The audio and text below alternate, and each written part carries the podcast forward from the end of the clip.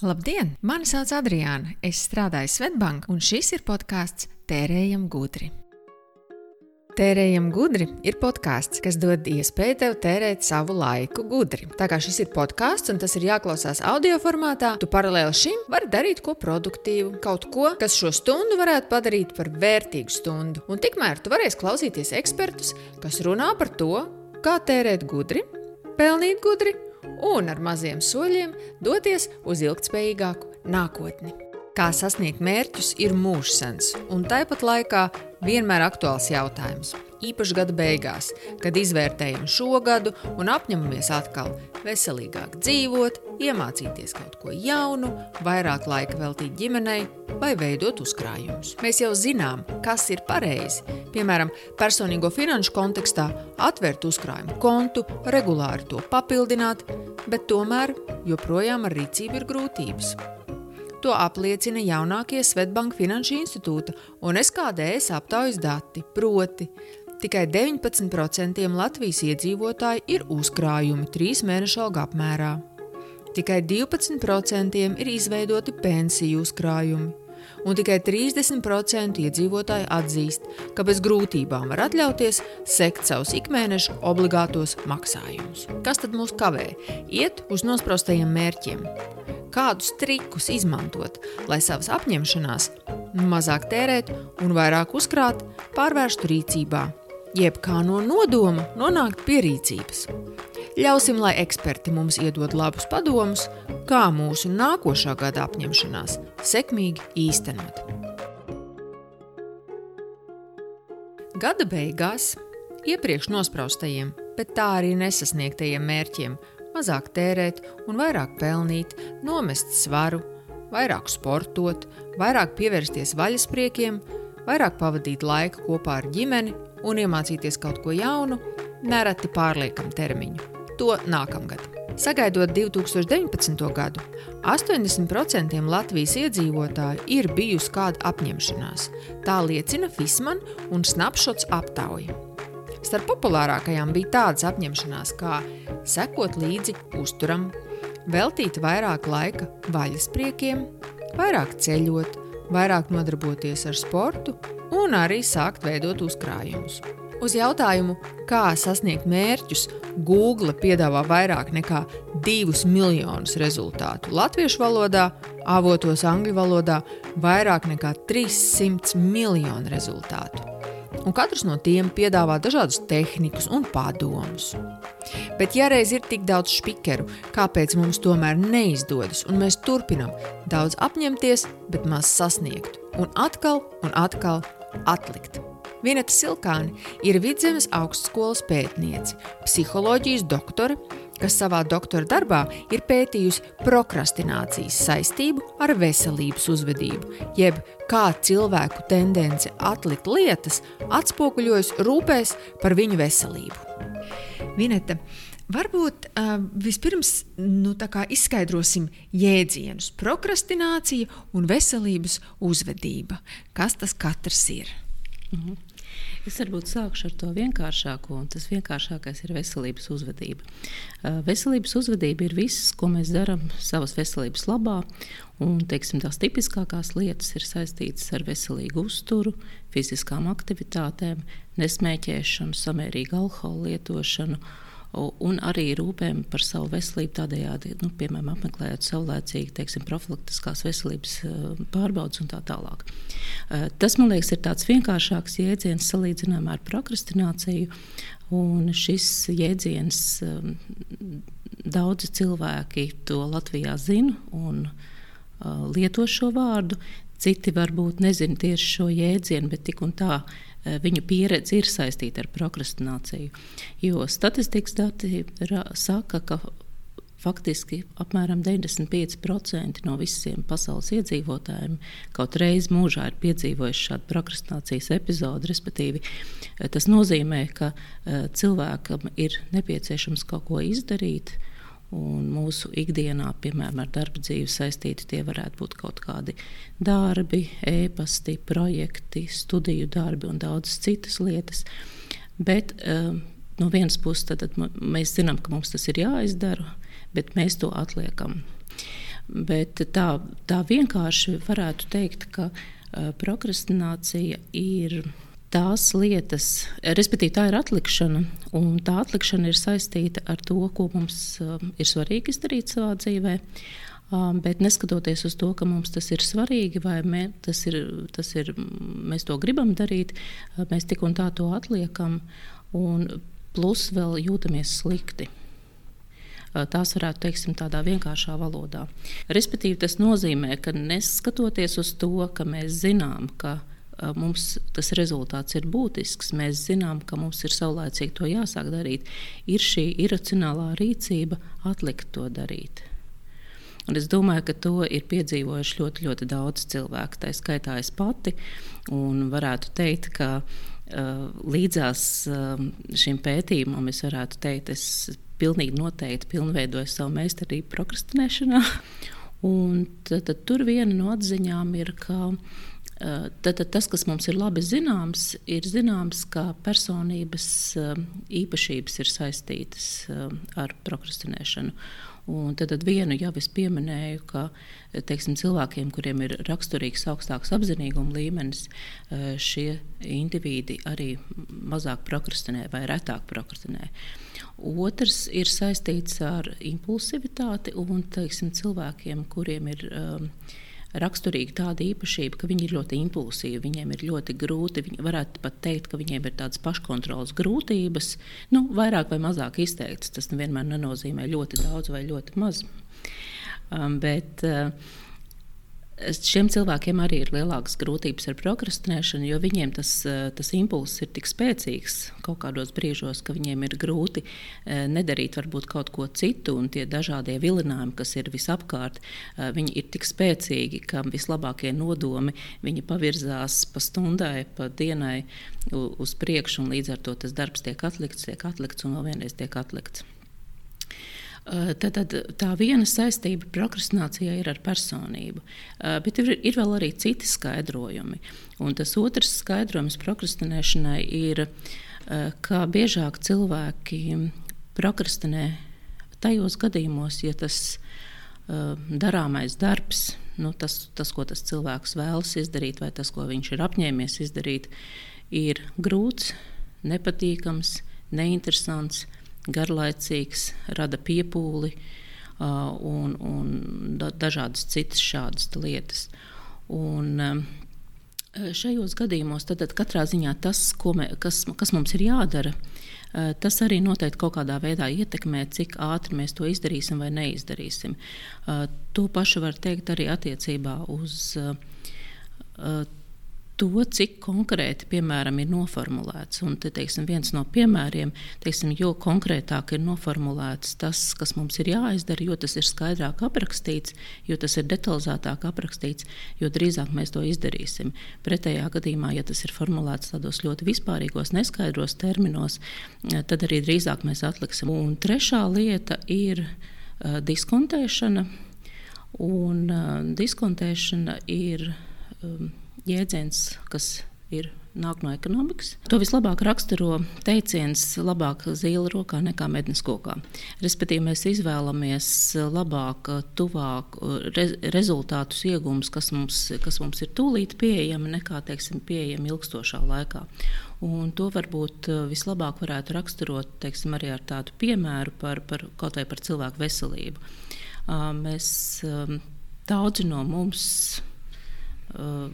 Cilvēki mēdz runāt par to, ka viņi grib sev labu veselību, vai viņi vēlas, piemēram, vecumdienās, lai viņiem būtu laba veselība un ka veselība viņiem ir vērtība. Bet neskatoties uz to, Eh, ka viņi tā uzskata, viņi tā domā, un patiešām viņiem tā ir vērtība.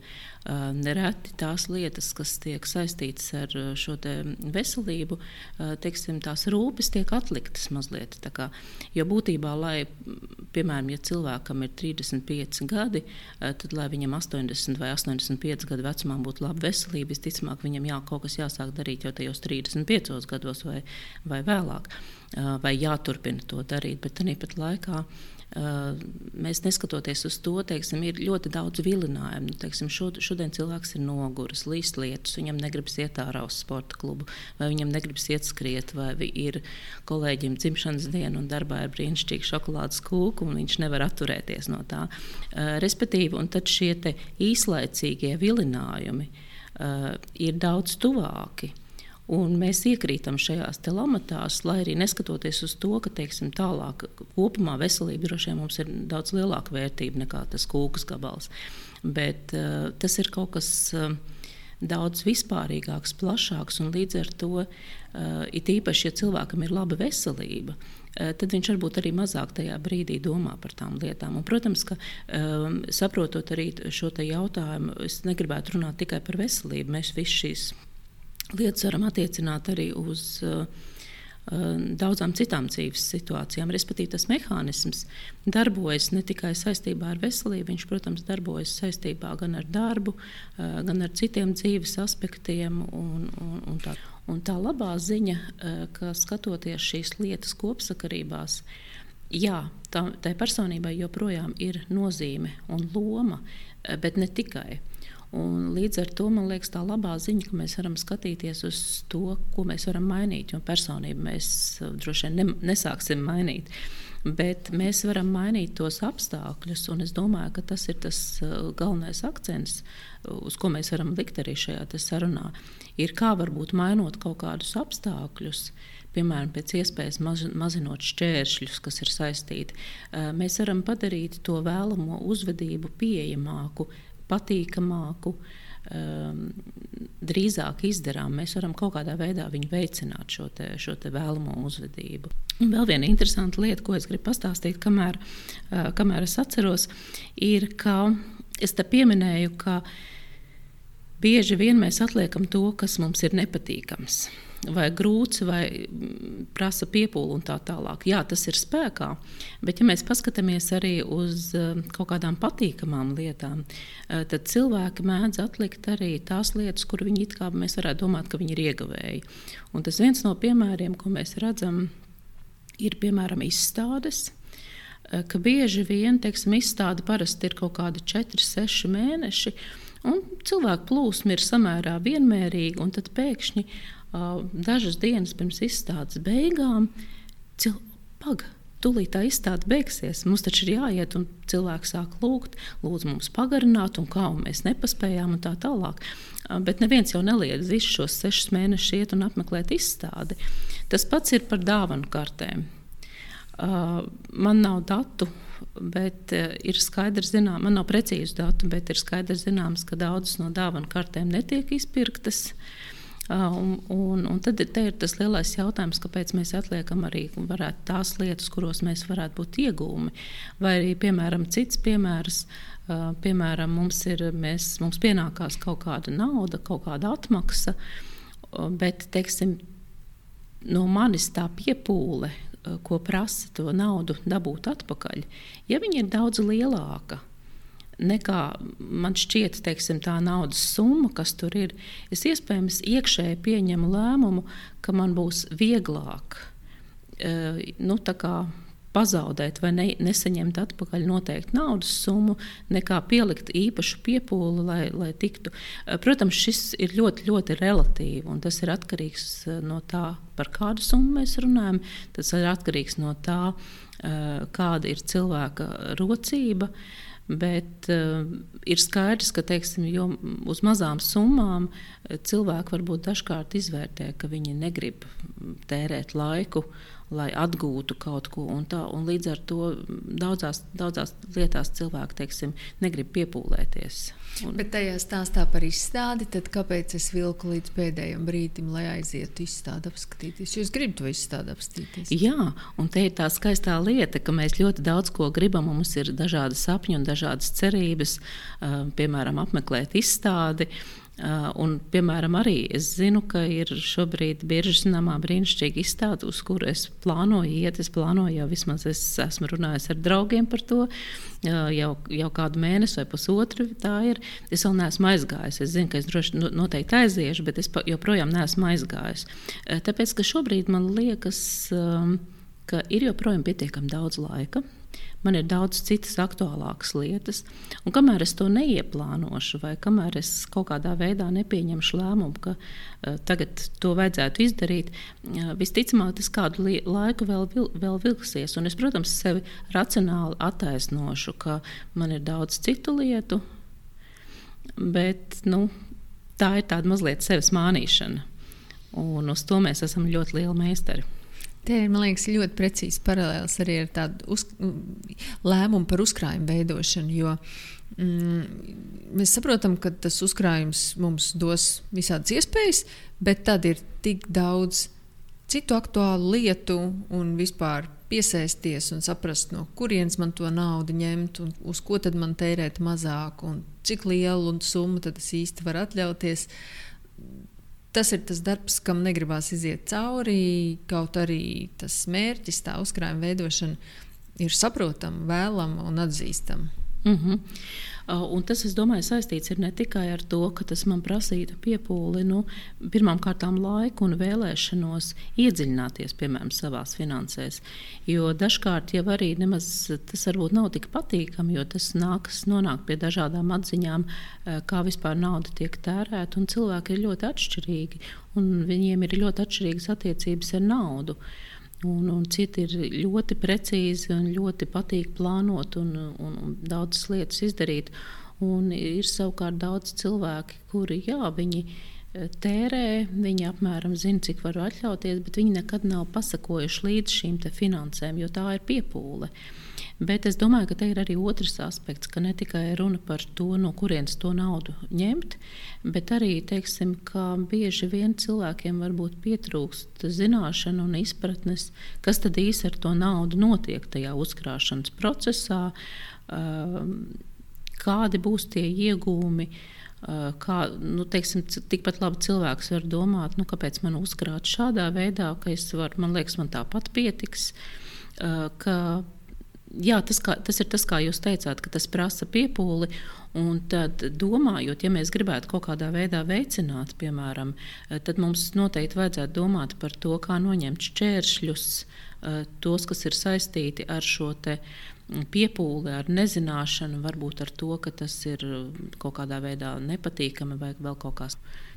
Es no mūsu sarunas saprotu, ka mums visiem ir tieksme uz prokrastināciju, bet ir vairāk, ir vairāk apstākļu kopums, kuru mēs varam izmantot savā labā, zinot, kas ir tās lietas, kas mūs virza, un zinot, kas ir lietas, kas mūs kavē.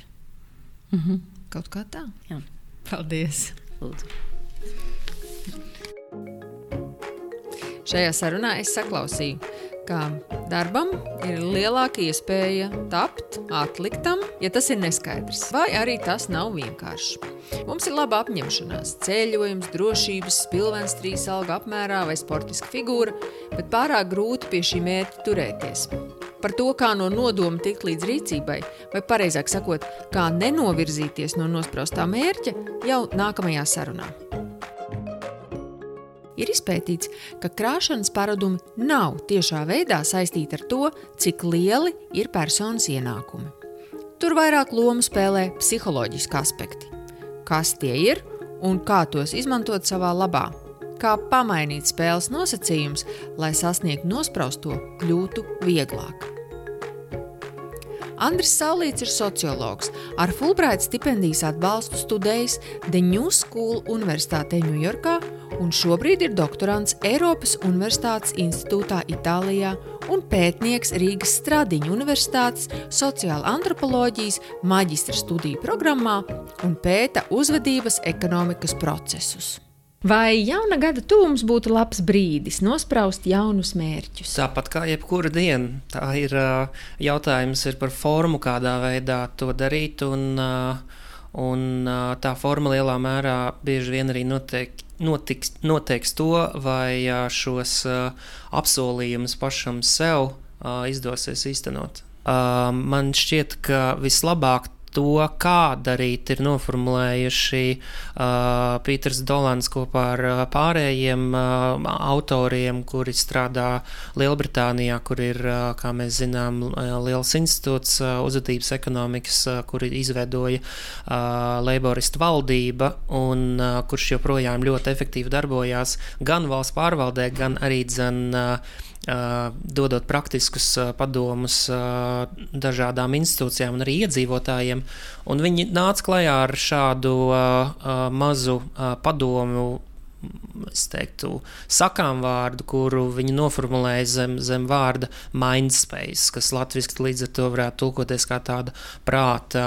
Um, Aleja varbūt, bet prāta, prāta uh, telpa. Prāta telpa tieši tā. Un, uh, Un tur patiesībā ir aprakstīti tie paši raksturīgākie virzītāji, kuri uh, uh, dod iespēju šos solījumus uh, pašam sev uh, uh, izpildīt.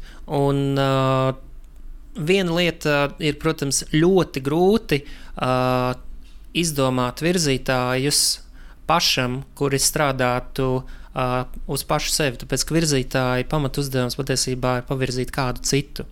Un, uh, un virzīt, virzītāja uzdevums ir mainīt rīcību. Uh, līdz ar to ir uh, diezgan grūti uh, atrast virzītājus un izdomāt, kuri gan darbotos pašam uh, uz sevi, gan arī dzen, noturētu rīcību, nevis to mainītu. Un, uh, bet tā pašā laikā tas nenozīmē, ka Uh, tas nav iespējams. Un, un šajā mindspējas tas pirmais ir uh, uz M-burtiņa ir messengers, uh, jeb šo, kas ir šis uh, uh, ziņotājs, kurš to vēstīja. Nu, protams, ja tas esi tu pats, tad uh, tas iespējams nav tik uh, uh, ietekmīgi, kā ja tas ir tev kāds uh, draugu, loki, draugu lokā, uh, kāds, uh, kurš uh, uh, varbūt uh, ir. Uh, um, zinošāks vai, vai spējīgāks par tevi. Un katram jau mums šāds ir. Starp citu, viena lieta, ko es arī esmu lasījis attiecībā par ko cilvēkiem būtu jādara pēc 30 gadiem, vajadzētu atrast kārtīgu draugu, kuram ir virs 40. Un tas ir tāds liels padoms, un es domāju, ka šie cilvēki, kuriem vēl tuvāk ir vecumdienas, noteikti rosinātu sākt uzkrājumus. Nākamais ir uz e-burta, tās ir incentives. Un tas ir par to, ka pēc grūta darba pienāks laba atpūta. Um, Dans Arlīs, manuprāt, bija tas, kurš uh, savu grāmatu Predictably Irrational, uh, jeb šo paredzami uh, irracionāls, uh, iesāk ar stāstu, ka viņš bija vienīgais, kurš uh, no pacientiem, kuri bija um, nosūtīti uz ļoti sāpīgu terapiju, spēja izturēt šo terapiju. Viņš teica, ka viņš to spēja izturēt, tāpēc ka viņš katru reizi bija sev apsolījis pēc, uh, pēc šīs procedūras uh, um, kaut ko labu. Vai tas bija kaut kas garšīgs vai kaut kas tam līdzīgs. Man arī pašam ir tā, ka es cenšos regulāri iet peldēt, un nav tā, ka uh, katru nedēļu gribētos iet, bet man vienmēr pēc tam ir uh, um, arī tāds kārtīgi pēc grūta darba nopelnīta atpūta, kuras sevi uh, apbalvoju. Un, uh, tas nevienmēr nozīmē atkal piesties un uz tā rēķina neko neiegūt, bet tā ir katram jāizdomā sava balva, kā sevi atalgot. Jo tas ir ļoti svarīgi, lai tev tomēr ir šī, šī, šī, sajūta, ka tu esi izdarījis un lai viņi būtu regulāri. Uh, nākamais uz N-burtiņa ir normas. Es jau pieminēju draugus. Ja tev draugi krāj, tad arī tu pats krāt sāksi vairāk, tāpēc ka tu jutīsi kā apkārt. Un dīvainā kārtā patiesībā nav tā, ka uh, pusē cilvēku uh, vajag uh, sākt uh, īstenot kaut kādu darbību, lai tā kļūtu par sociālā normu.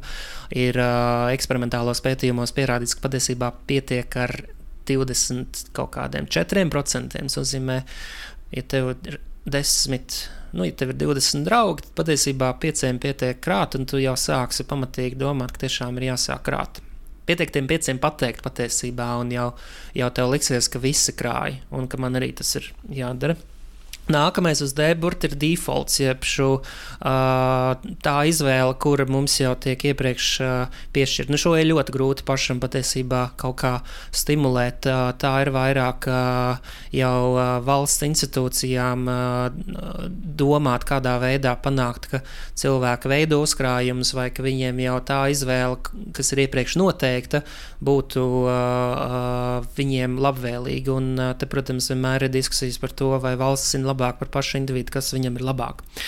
Nākamais uz S burtiņa ir salients, un tas ir tas, ka ir um, detaļām spēks. Un, un ir, piemēram, pētījums, kas parāda, ka tev makā ir kredītkartes, un tu bieži tās redzi, tad tu tās arī biežāk sāc tērēt. Kā, ja jūs gribat ietaupīt naudu, tad kredītkartes novietojiet kaut kur tālu, vai vienkārši viņas tās, tās vispār nepasūtiet. Kaut gan bankas jums piedāvā viņas, lai jūs varētu rezervēt mašīnu. Nu, ja tā, tad viņas nolieciet kaut kur attālu plauktā, bet uh, nekādā gadījumā neturiet tās makā, kur nu vēl kopā ar PIN kodu. Nevis pat jūt to naudu izterēsiet.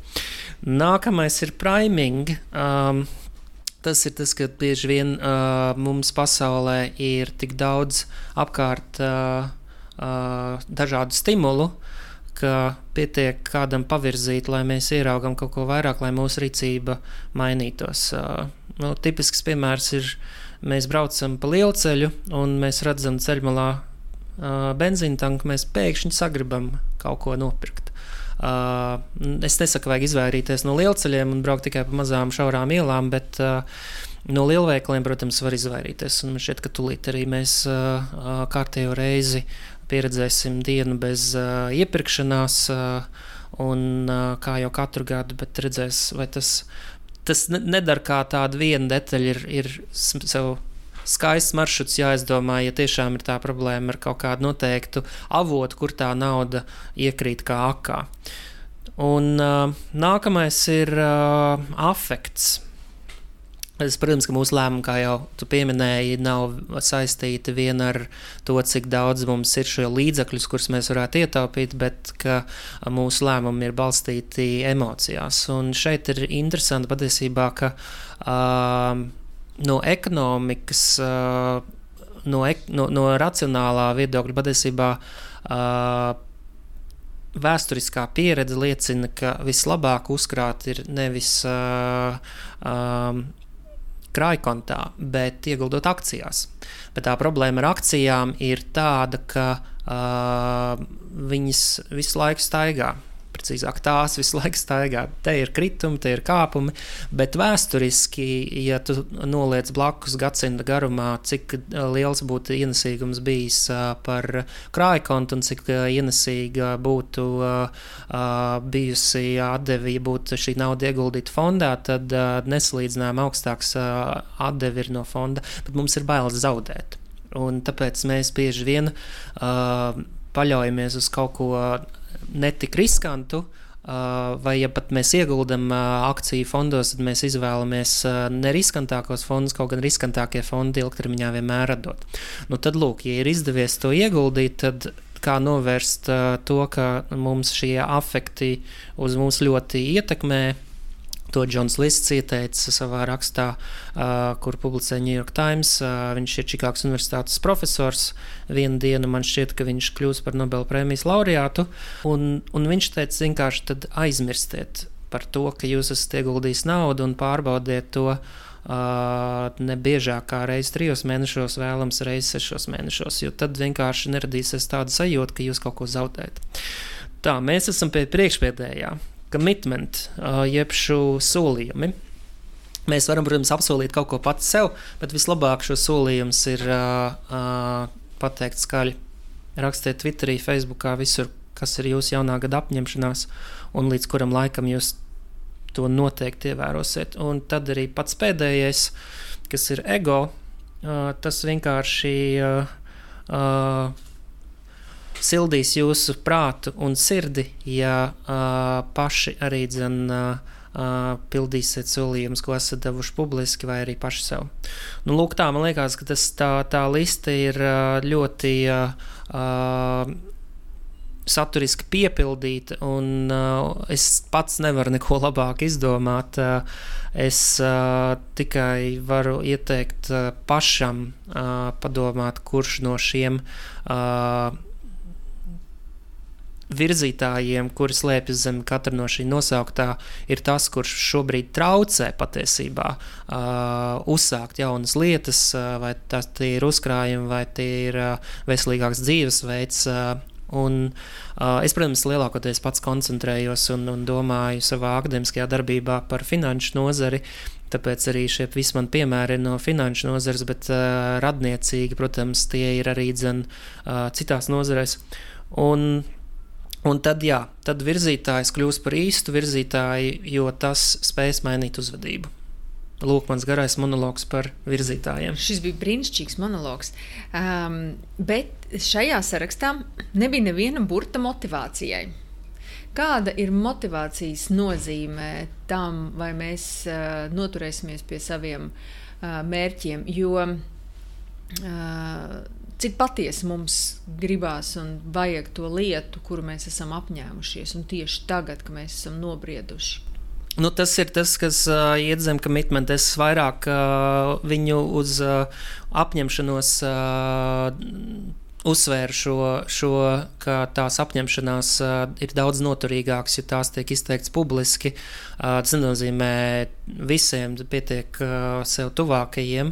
Uh, tā, tā motivācija, nu, kā jau teicu, viņa bieži vien nav balstīta uh, tikai un vienīgi racionālos vai tikai individuālos apsvērumos, bet bieži vien tā ir balstīta arī dzen, uh, um, cilvēkos, kuri mums ir apkārt, jo mēs tomēr dzīvojam sabiedrībā. Līdz ar to mums ir svarīgas kādas pastāvošās normas, un, ja visi krāj, tad es ar krāšu. Ja visi iet uz sporta zāli, man ir vajadzēs laikam iet uz sporta zāli tā tas notiek. Es, protams, esmu uh, savā disertācijā arī dzen, sadarbībā ar uh, parādu piedziņas kompāniju skatījies, uh, kas nu no šī visa darbojās. Un, uh, protams, parāda piedziņa ir diezgan specifiska nozare, kur nevar sagaidīt arī nu, kāds, kāda īziņa aicinoša, kas, kas nebūs ierasta, ka ir vienkārši cilvēks parādā, bet ka, piemēram, 80% Latvijas iedzīvotāji nokārto savas saistības laikā kaut ko mainīs viens labs brīdis, kad piedāvāt cilvēkam sākt uzkrāt, ir brīdis, kad viņam pieaug reālie ienākumi. Tā ir uh, arī Amerikā, kad uh, darba devējs uh, ir nolēmis piešķirt paaugstinājumu, šis ir labākais brīdis, kad arī piedāvāt uh, arī vienlaicīgi lielāku summu novirzīt tieši pensiju uzkrājumam. Uh, Latvijā ir uh, iedzīvotāja ienākuma nodokļu pārmaksas uh, atmaksas kārtība, uh, kur šobrīd mums uh, viegli iekrīt kontā, un Dievs vien ziņa, zina, kur, kurš kā to naudu iztērē. Es nereiz neesmu to novirzījis uzkrājumiem, man viņa nav kontā turējusies pārāk ilgi.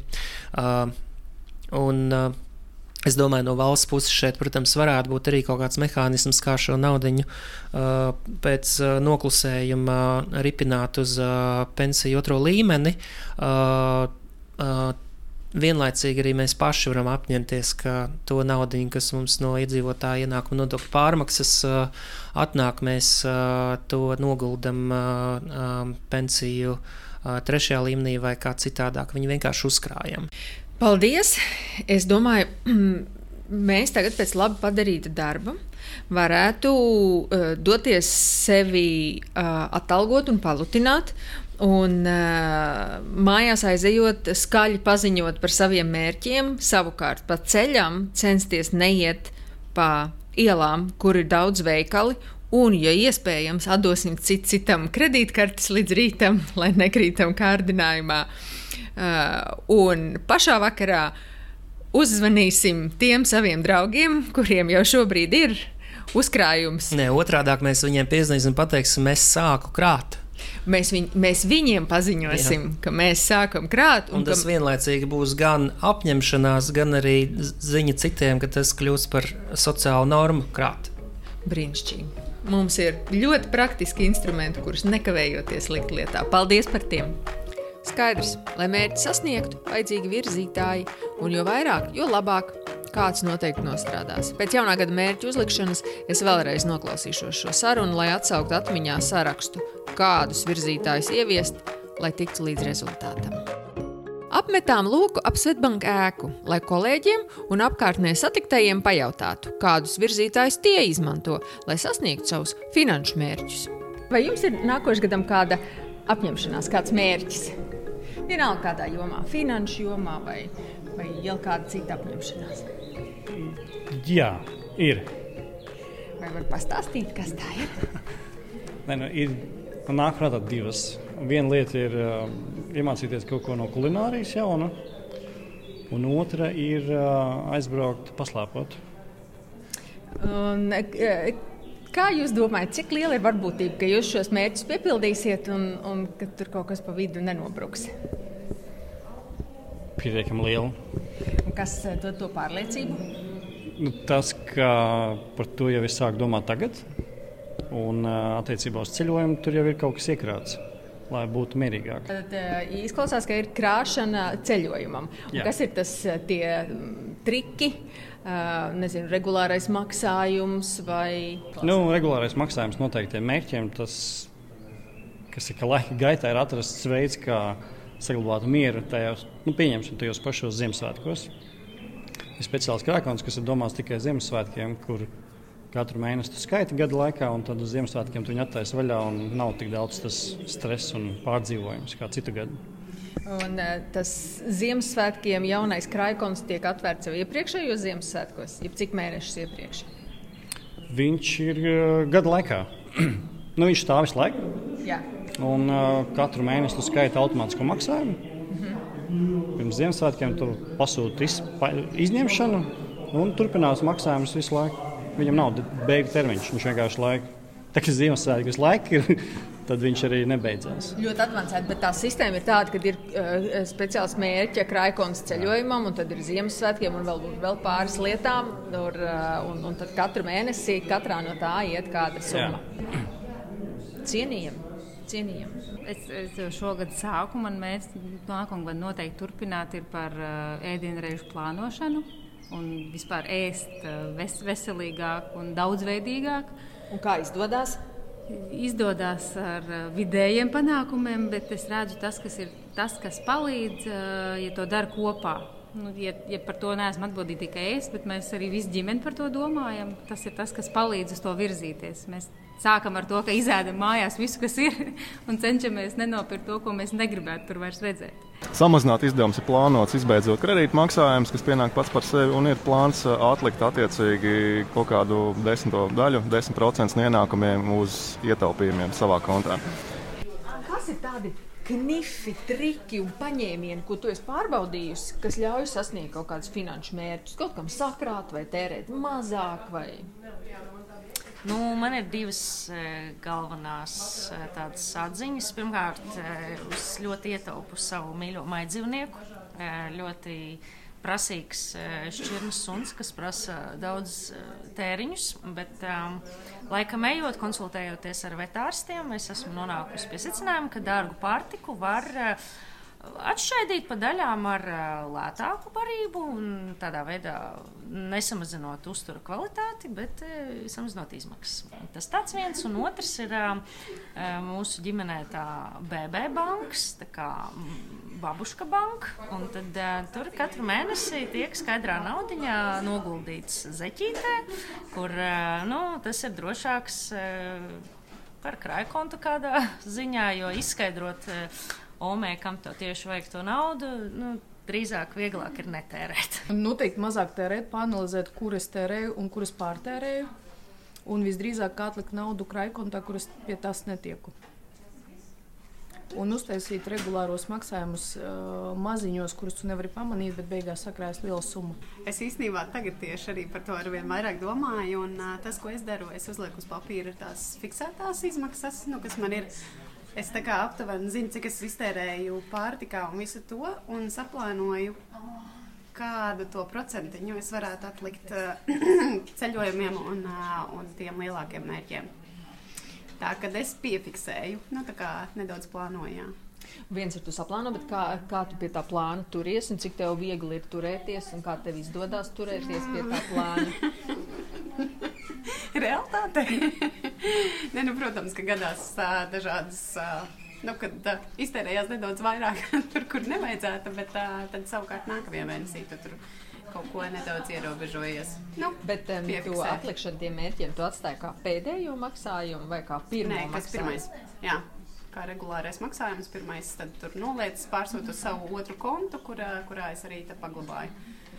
Es izmantoju nu, tādu challenge sev, ka es uh, 52 nedēļas krāju, nu, tad attiecīgi pat nedēļas numuram iekrāju naudu, aizsūtu uz citu kontu. Mm -hmm.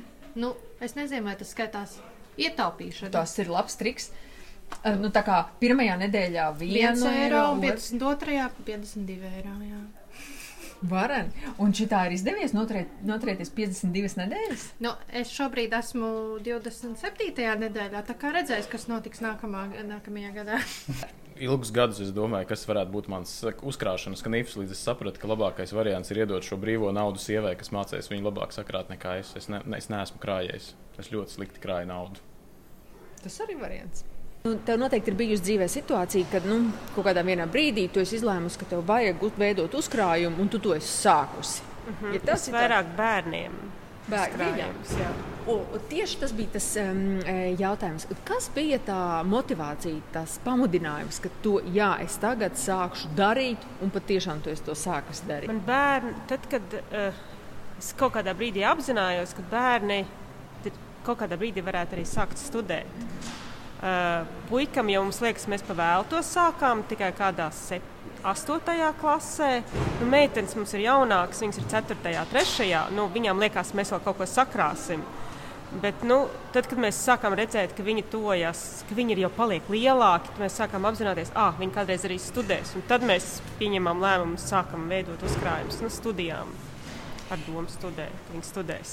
Vai tev kādreiz ir bijusi tāda situācija, kad um, tev ir vieglāk apņemties, ja tu to pasaki skaļi kādam, vai arī, ja tu dzirdi, ka tev apkārt uh, ir apņemšanās, nu, ka cilvēks krāj un par to runā, ka tas arī tevi stimulē?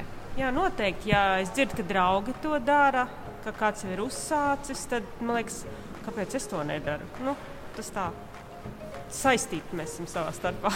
Izklausās, ka automātiskais maksājums ir lielisks virzītājs, jo tas nelokāmi un neatkarīgi no mūsu iegribām virza mūsu uzkrājumu uz priekšu. Savukārt, apņemšanās momentā noderīga ir tik laba vīzija par savu veiksmīgo un nodrošināto es nākotnē, kā arī konkrētos ciparos izteikts mērķis, vai arī visjaudīgāk mūsu bērnu nākotne.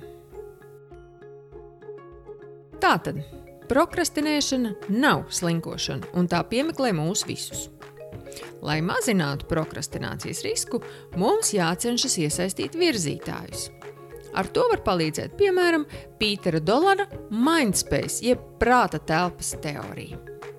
Jaunajā gadā novēlu mums visiem izmēģināt šos virzītājus, un nevienu vienu, lai gada beigās ar gandarījumu varam atskatīties uz sasniegtu vai vismaz labi pavirzījušos mērķi. Un, protams, ar epizodes beigām šī tēma nebeidzas, tā tikai sākas. Tērējam gudri grupā, rakstiet, kādi virzītāji palīdz jums sasniegt savus mērķus. Uz diskusiju meklē linku epizodes aprakstā. Paldies par klausīšanos!